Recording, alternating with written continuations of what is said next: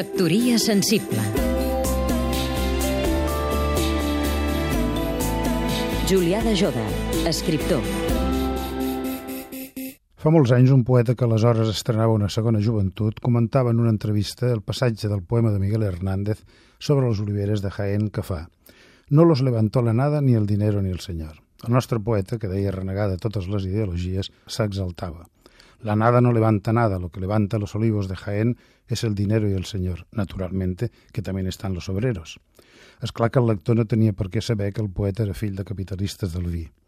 Aquesta posició del que no es veu la pròpia ideologia m'ha vingut al cap en llegir uns comentaris sobre intel·lectuals i polítics en el full dominical d'un diari de Madrid que sempre s'ha cregut que representa el país sencer. Un d'aquests comentaristes afirmava que un intel·lectual ho és en la mesura que tracta la resta com si fossin intel·ligents. No cal dir que per aquest senyor tot el que no hi cap dins la Constitució espanyola és inintel·ligible.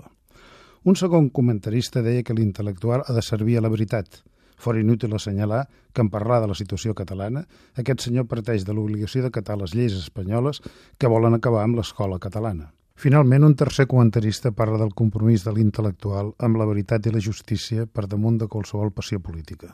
Naturalment, per aquest senyor, la passió de nació, com en diu ell, és una provocadora de catàstrofes. I aquests senyors encara gosen parlar dels polítics. Definitivament, cap geperut sabeu el gep. Factoria sensible